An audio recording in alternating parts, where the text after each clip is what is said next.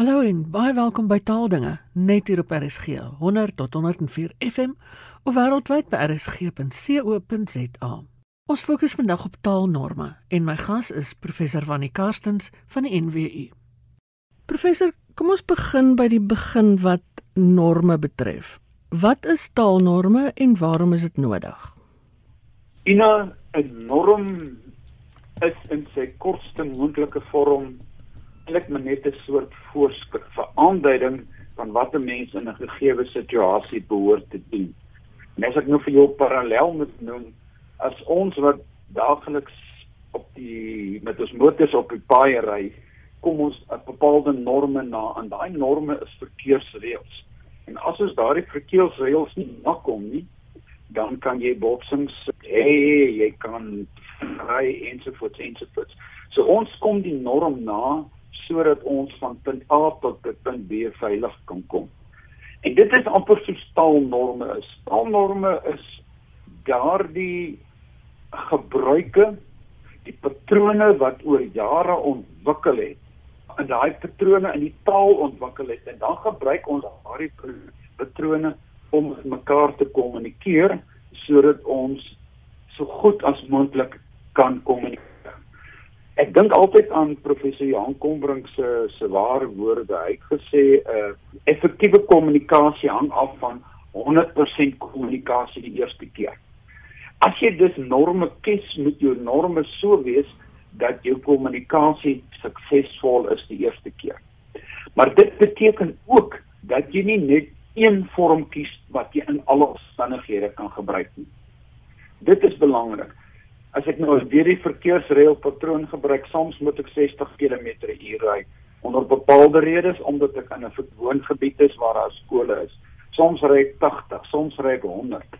Maar jy weet ek ry nog steeds met die motor. Die motor is my instrument. Dis dieselfde met die taal. Die taal is my instrument waarmee ek kommunikeer, maar ek pas hom aan vir die kontekste waarmee 'n mens is. Maar so norm ontstaan nie sommer net nie. Hy is iets wat oor baie jare ontwikkel en dan gebruik ons hom sodat ons mekaar goed kan verstaan. Maar 'n ander belangrike punt is dat hierdie norm nie altyd dieselfde bly nie, want die sprekers verander en die konteks waarbinne die sprekers die taal gebruik verander ook. Hmm. So dit is dit is belangrik. 'n Norm is 'n soort oorskrif, is 'n soort inherente gedragskode, gebruikskode wat ons met mekaar uh, ooreenkom. Hoop dit help om dit duideliker te maak. Professor het gepraat van die die verstaanbaarheid. Ehm um, dit is seker een van die norme wat vir alle tale ten alle tye geld. Die universele soort norme. En nou dit is altyd belangrik. Jy weet uh, in ons eie land waar ons uh, nou Afrikaans een van die 11 amptelike tale het, is dit sodat ons nie net een vorm van Afrikaans het Maar as ek Afrikaans wil gebruik en ek wil met die grootste klomp mense kommunikeer, dan gaan ek een van daardie variëteite kies om dit te doen. Uh ek kyk byvoorbeeld as ek Sondag uh, in ons Afrikaanse Sondagkoerant lees, dan is daar 'n berig van Nathan Tarantal oor Kaapse Afrikaans. Ek lees dit want ek vind dit besonder interessant. Maar as jy dit lees dan besef jy dit is vir 'n baie beperkte gehoor wat dit lees en kan verstaan. So die hele koerant word nie in daai variëteit geskryf nie. Hy word eerder geskryf in 'n variëteit wat die grootste groep mense kan verstaan. En dit is die eeses vir my vir tydskrifte en koerante. En dit is wat ek en jy ook nou doen. Ons praat met mekaar hier op die radio in standaard Afrikaans en ons praat ook in 'n tempo sodat mense ons goed kan verstaan. Ons hele gedagte is as hierdie program verby is dat mense kan sê o ja, ons het alles verstaan. Nie dat daar twyfel is oor iets nie. So die belangrike is as jy 'n norm toepas, dan pas jy hom toe in 'n konteks sodat jy in daardie konteks die hoogste moontlike begrip kan kry. En dit is ontsettend belangrik. Maar dit is nie te sê dat al die ander variëteite van die taal foutief is nie. Ja. Hoe genaamd nie. Jy weet my vrou uh kom daar Boesmanland. En uh ek is een van die min mense wat die onderskeiding kan hê dat ek kan sê dat ek op Popwater getroud is om vir jou 'n idee te gee. Ja. Maar toe ek nog 'n jong student was en ons het ek het daar gekuier nou by my meisie wat nou deesdae al my vrou is. Uh het, die, het ek soveel taalforme gehoor wat ek glad nie verstaan het nie.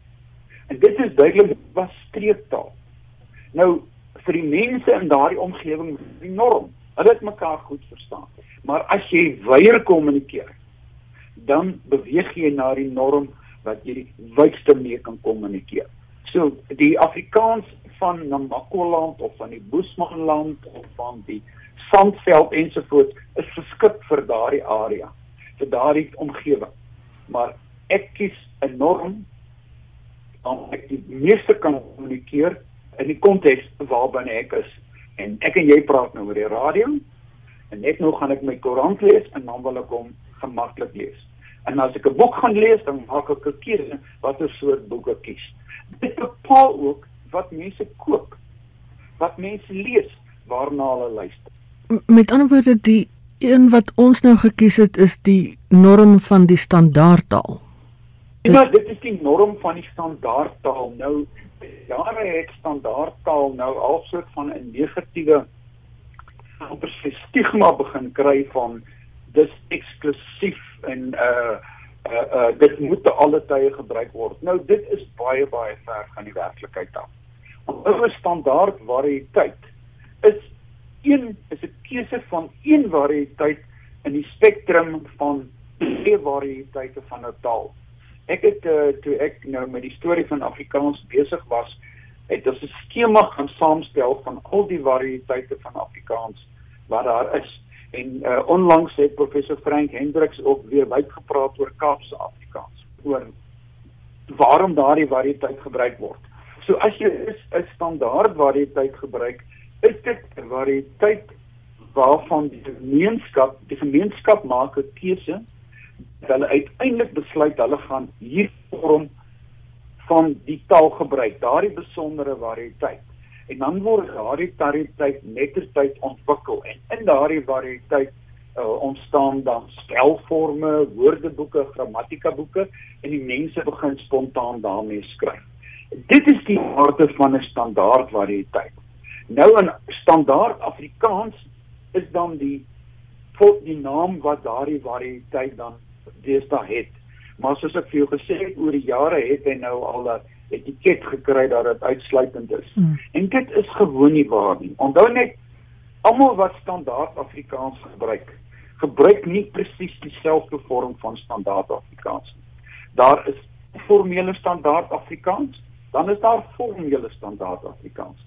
Ek dink wat ek en jy nou praat is so 'n kombinasie tussen die. Maar weer eens, dit is 'n keuse van hierdie variëteit sodat ons grootste aantal mense, die grootste groep mense ons kan verstaan. En ek sê nie daarmee dit is die enigste en die perfekste variëteit nie. Uh, uh professor Dick Webb wat lang jare by EP was het altyd gesê elke variëteit is geskik vir die gehoor waar of in die konteks waarbinne jy dit gebruik. En algemene kommunikasie is standaard variëteit die mees geskikte een. En ons noem daai standaard na baie tyd dan standaard Afrikaans. Ja. Ek weet die taalkommissie kyk effens anders deesdae daarna en dit is wonderlik want dit is deel van die debat hoe ons uiteindelik 'n standaard variëteit verstaan. Hulle praat meer van algemene Afrikaans in plaas van standaard Afrikaans. En dit is goed. Jy's in die debat terwyl ons mekaar probeer verstaan, help dit ons om uiteindelik duidelikheid te kry oor wat presies hier in die geval is. Maar vir 'n normatiewe doel word meestal die standaard variëteit gebruik. Juis omdat dit optimale kommunikasie in uh, verseker. Professor, nou wat kom eerste, die norme of die standaardisering van 'n variëteit? Ja, nou, dis nou nog 'n interessante een, maar ek dink die dit, dit kom dit kom gewoon die standaardisering van 'n variëteit want uh, so so tyd verloop 'n lang proses. As 'n mens nou kyk net na die geskiedenis van Afrikaans, het die mense begin het met uh, die skryf van Afrikaans hier in die vroeë 20ste eeu. Ja. In die wêreld in die tyd toe die akademie tot stand gekom het, toe die aantal mense wat betrokke was by die saams by die by die akademie van Westes maar ook by die saamstel van die Afrikaanse woordelys van daardie tyd en die spelderis van daardie tyd. Hulle het die variëteit gekies waarmee hulle die bekendste was. En dit was toevallig die variëteit wat in die noorde van die land gebruik is. Ons praat in taalkundige terme hier van Oosgrens Afrikaans wat na die noorde toe gemigreer het. En oor jare het daardie variëteit dan sy eie vorm aangeneem. Jy weet, hy het speldereëls ontwikkel en ons het nou al uh, 11 gawes van Afrikaanse woordelys en speldereëls. Kort voorlank is grammatika boeke geskryf oor daardie variëteit en toe mense begin om die woorde 'n woordelyste saam te stel en in 1926 gesels begin met die Woordeboek van die Afrikaanse taal. En dit het uiteindelik die basis geword aan die hand waarvan ons dan 'n norm het. Die variëteitskiese word eers gemaak en dan word daardie hele normale proses van standaardisering deurgegaan van keuse, uitbreiding, verfyning en tot jy op daardie punt kom dat jy dit begin skryf. En dan word hy 'n norm. Nou ina die norm van die 40er jare is radikaal anders as die norm van 2020. Ja. Dit want soveel jare het uh, het verloop. As 'n mens nou kyk na die SAIK van se nuusberigte van die vroeë 90's en jy kyk na die nuusberigte van deesdae, het daar nog 'n groot normverskywing gekom want uh, dit die, die die taal word anders geformuleer. Uh, dis nie meer die lang sinne nie.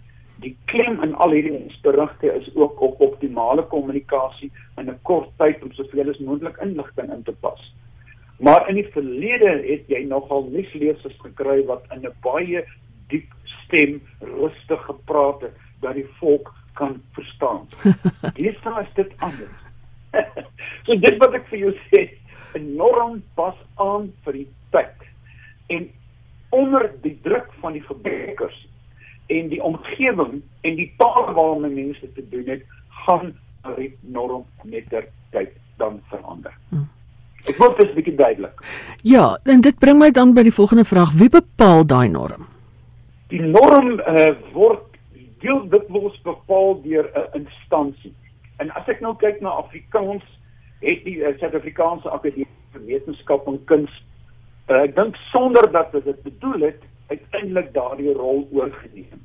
En daardie rol is gekoppel aan aan Afrika in die stelling van Afrikaans want onthou die akademie is in 1909 gestig en dit het baie vinnig begin begryp maar die taal wat daardie tyd gepraat word is nou al so ver eintlik weg van Nederlands dat dit hulle dit eintlik maar moet begin soort van standaardiseer want hulle wou die skoolboeke saamstel.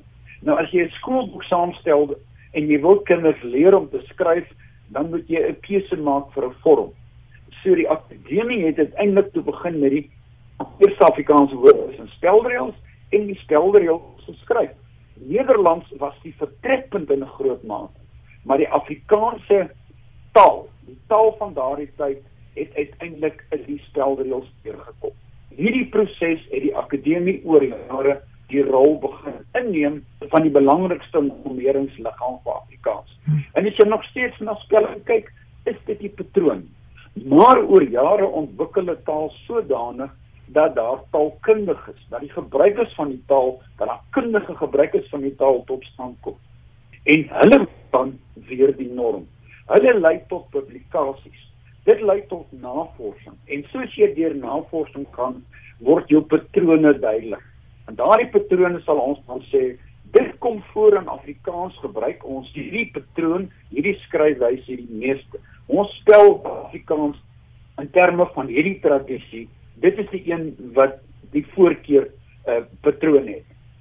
En dit is maar soos dit ontstaan. So ons het hier 'n kombinasie van instansies en dan individue wat nagevolg word. Maar deesdae het ons nou interessant ons het nou nuwe navorsingsmetodes en ons begin kyk na daardie navorsingsmetodes die gegevens wat dit ons gee. En dit is wonderlik. Weereens ina dit is nie staties nie. Maar ons ken waarde aan aan aan aan norme toe. Om byvoorbeeld te noem, uh kyk in Afrikaanse woordeboeke, die handwoordeboeke van die Afrikaanse taal in baie Afrikaanse huise staan HAT. Ja. baie Afrikaanse huise staan die Woordeboek van die Afrikaanse taal. As daar hofsaake is, dan word byvoorbeeld die Woordeboek van die Afrikaanse taal die beskrywing, die definisies wat daarin voorkom, uh, aanvaar as die norm, die betekenis. Dit is die norm vir die betekenis van daardie konteks. So jy kan sien individue, instansies en tot bepaalde publikasies neem oor jare daardie rol oor. En dan die belangrike ding is die gemeenskap begin dit aanvaar. En dit is die waarde wat daarin geheg word. Ek kan miskien net sê baie is nou baie baie van die luisteraars wat miskien vir wyle Pieter Taljaard sal onthou. Pieter Taljaard was betrokke by die voorsetsel die tweetalige voorsetsel woordeboek. En terwyl hy met sy MA besig was, het hy op 'n stadium vir my gesê, hy sê wie die probleem is. Uh die die die die voorsetsel vir gebruikspatroon van Afrikaans is besig om te verander. Dan sê ek vir mense, ja, maar laat verander dan sê die mense ja, maar ek wil tog 'n bron hê waartoe kan gaan wat vir my sê wat om te doen. Ja. Met ander woorde, as daar een persoon besondere kundigheid op 'n terrein het, dan begin ons daardie patroon se kundigheid as norm gebruik. Ek kyk byvoorbeeld ons wat in Afrikaans in die sintaksis werk. Ons praat altyd van professor Fritz Cornelis se kennis oor sintaksis. Dit het in 'n groot mate vir ons die norm geword. Ja. En dit is ook op ander terreine dan die geval. Maar mens kry wel ek hoor soms mense praat van ag dis die taalpolisie gaan nou weer op ons wees oor dit of dat. Ehm um, dis asof asof mense weerstand bied teen die norm van dis hoe dit behoort te klink. Ja, kyk. Daar was 'n groot mate, was nie verlede taalpolisie en Ina, jy wat nou 'n nuusskrywer by die uh, by die by die SAIK's en 'n omroeper is as jy nou 'n foute maak terwyl jy nuus skryf. Gaan mense vir jou waarskynlik 'n uh, boodskap stuur en sê ja, maar jy het hierdie vorm verkeerd gebruik. Dit is die polisie. En baie en dit is baie gebruikers in Afrikaans neem daardie rol oor sonder dat hulle outomaties in die rol aangestel. Ja ander woorde uh, hulle wil altyd vir mense voorskryf hoe om taal te gebruik. Uh ek self nou met 'n loopbaan agter die rug waarin ek nou boeke geskryf het soos norme vir Afrikaans en ander boeke geskryf en kyk mense soms na my en sê ja maar uh, uh ons volg jou taalgebruik na. Jy jy nie vir ons sê hoe om te gebruik nie? Dan sê ek altyd nee nee nee nee ek gaan nie vir jou sê om te gebruik nie. Ek gaan vir jou na 'n bron vat en ek wil hê dat jy daardie bron gebruik as vertrekpunt. Dan word 'n bron in groot mate 'n taalpolisie vir daardie mense wat almekaar vir jou wil voorsê jy moet sis en so maak is besig om baie mense van die taal te vervreem mm. en dit is jammer ek kyk byvoorbeeld dat soveel mense sê Kaapse Afrikaans nie ons mag nie daai vorm gebruik nie dit is net 'n baie selektiewe uh, uh, uh, gehoor wat dit verstaan. Dan beteken dit ons sê vir die sprekers van Kaapse Afrikaans, julle variëteit is nie belangrik nie. Dit is gewoon reine onsin. Want dit is mense wat hulle of die reg aanmatig om dit te sê. Dit is mense wat nie die kundigheid het om te begryp dat daar 'n uh, elke taal geskik is vir elke situasie. Ja. So taalpolisie is 'n gevaarlike een, hoor. maar maar is nou weer is interessant. Ek kyk nou die rol van Viva byvoorbeeld. Viva, die virtuele instituut vir Afrikaans, hulle neem nie die rol van die taalpolisie oor nie. Hulle wil nie. En ek dink dit sou so ver van hulle gedagtes al wees. Maar as jy taalnavraag het oor iets waaroor jy onseker is, dan kan jy hulle kontak en hulle gaan vir jou leiding gee. En daardie leiding is gebaseer op die jongste navorsing oor die patrone ek weet in die verlede het mense dit was as jy restaurante toe gaan dan vat jy 'n rooi pen saam sommige mense het dit gedoen ek weet van sulke mense dan gaan jy na 'n restaurant toe en dan kry jy 'n spyskaart voor jou en dan speel jy die spelfoute. Dan vat jy die rooi pen en jy maak dit reg jy weet. Uh, en in my jonger dae was ek self daar onskuldig tot my kinders se groot verleentheid. Ek het dan nie 'n rooi pen gevat nie hoor. Ek het maar net vir die vir die so by as uitstap vir die vir die vir die bestuurder dit wil sê miskien moet jy tog net 'n paar rand spandeer aan net die net die met die spyskaart. Net bietjie meer korrekte Afrikaans gebruik uiteindelik dis 'n Afrikaanse gehoor. Maar nou, dit is 20 jaar gelede. Ons doen dit nie meer vandag nie. Ons is so bly as mense die taal gebruik. Maar daar's darem 'n soort geloofwaardigheid aan regspel en reggebruik. Is dit nie? Absoluut. As absoluut want die die die, reggebruik ina is hang hang weer saam met norme, hang met algemene kommunikasie. Ja. Jy weet ehm um, een ding wat my vreeslik irriteer is ek nou in ek kan dit nou seker maar die Afrikaanse kanaal noem. Ek is een van die bevoorregtes wat nou die program kan kyk. Maar ek kyk in die aande as die as die titels agterna rol. Die ongelooflike klomp spelfoute in die uh, wat daarop voorkom vir die mense wat hierdie bepaalde pligte is. Dan is er, dan is dit 'n uh, teksredigeerder twee woorde sulke klas van goeders. Nou die norm in Afrikaans is dat die woorde afgeskryf word. Nou met 'n klein bietjie moeite kan 'n instansie seker maak dat al daardie titels aan die einde van hulle programme mooi regkom.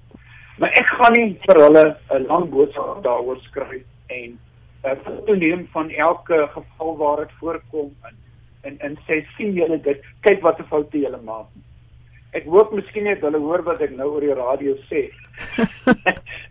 ek doen net nie maak bietjie doen bietjie moeite daarmee. Ja. En hulle kan vir wie wat vra om hulle dan te help. Ja, ja. Dan help dit.